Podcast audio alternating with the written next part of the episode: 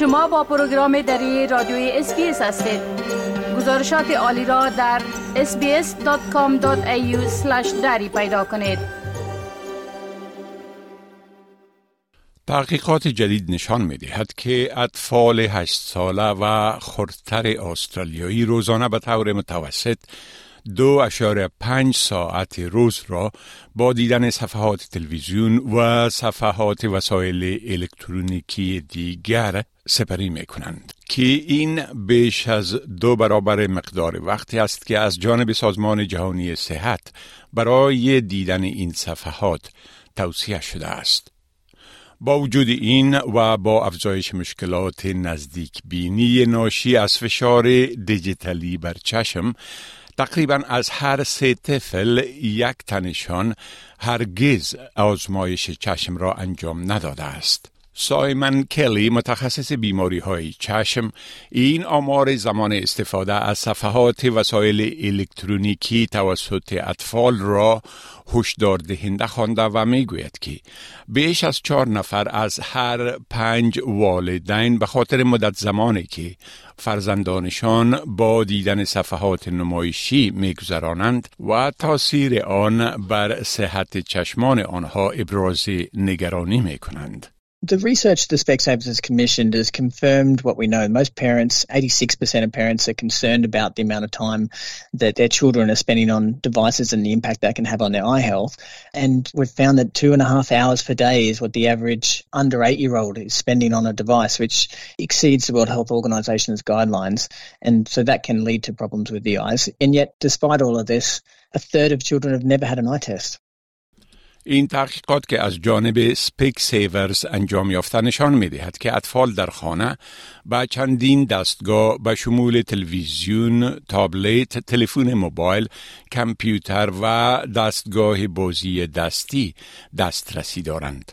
خانه هایی که اطفال به بازی های ویدیویی و لپتاپ های دستی دسترسی دارند بیشترین استفاده از صفحه وسایل الکترونیکی را گزارش دادند که نزدیک به سه ساعت در روز بود.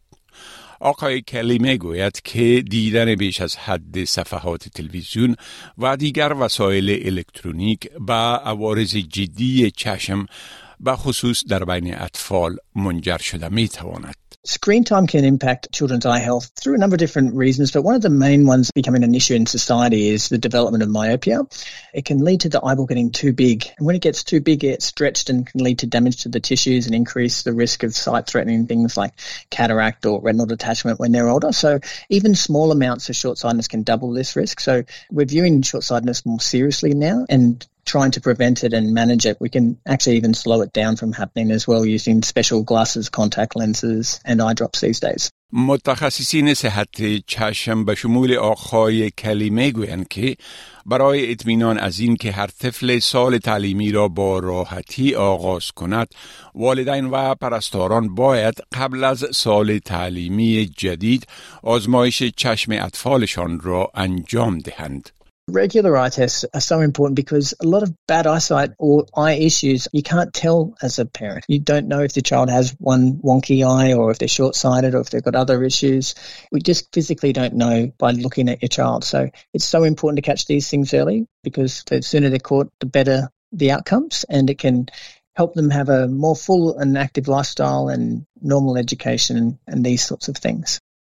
آقای کلی برای والدین توصیه هایی دارد و می گوید که آنها باید نگذارند اطفالشان صفحات وسایل الکترونیکی را بسیار به چشمانشان نزدیک بگیرند و نگذارند که روزانه بیش از دو ساعت پرده های تلویزیون و وسایل دیگر را ببینند. Digital strain mainly comes from obviously looking at a device for too long, too close. So, firstly, try and prevent using a device for too long. Encourage your children to have good habits where they're not on a device for more than two hours a day if they're under 17. And if they're under two, to not really use a device at all. Secondly, don't hold it too close. At least an arm's length or 30 centimeters away is recommended. And take breaks. So every 20 minutes, try and look 20 meters away for 20 seconds just to break it up a bit so the eye's not focusing in close so tightly all the time. او همچنان توصیه می کند که اطفال در هر سنه هر دو سال یک بار آزمایش معمول چشم را انجام دهند مگر اینکه متخصصین به آنها دستور دیگر داده باشد.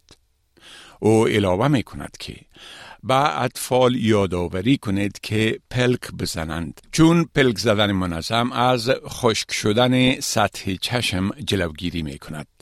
یک بوتل آب را در نزدیکی خود نگه دارند چون کمبود آب چشم ها را خشک می سازد. متعقن شدن از این که اطفال در طول روز آب زیاد بنوشند بسیار مهم است. آقای کلیمه گوید که از قانون 20 20 20 پیروی کنید. این بدان معناست که هر 20 دقیقه به اطفال یادآوری کنید که محل دید خود را تغییر دهند و چشمهای خود را برای حداقل 20 ثانیه از صفحه وسایل الکترونیکی به سوی یک شی به فاصله حداقل 20 متری برگردانند. این کار به چشمان خسته استراحت فراهم می کند او می گوید اطمینان حاصل کنید که در طول هفته مکتب اطفال وقت خود را صرف بازی در خارج از منزل کنند تا از صفحه وسایل الکترونیک دور باشند و فعالیت دیگر انجام دهند تا چشمانشان استراحت کنند. می خواهید این گونه گزارش ها را بیشتر بشنوید؟ با این گزارشات از طریق Apple Podcasts، Google Podcasts، Spotify و یا هر جایی که پادکاستتان را می گیرید گوش دهید.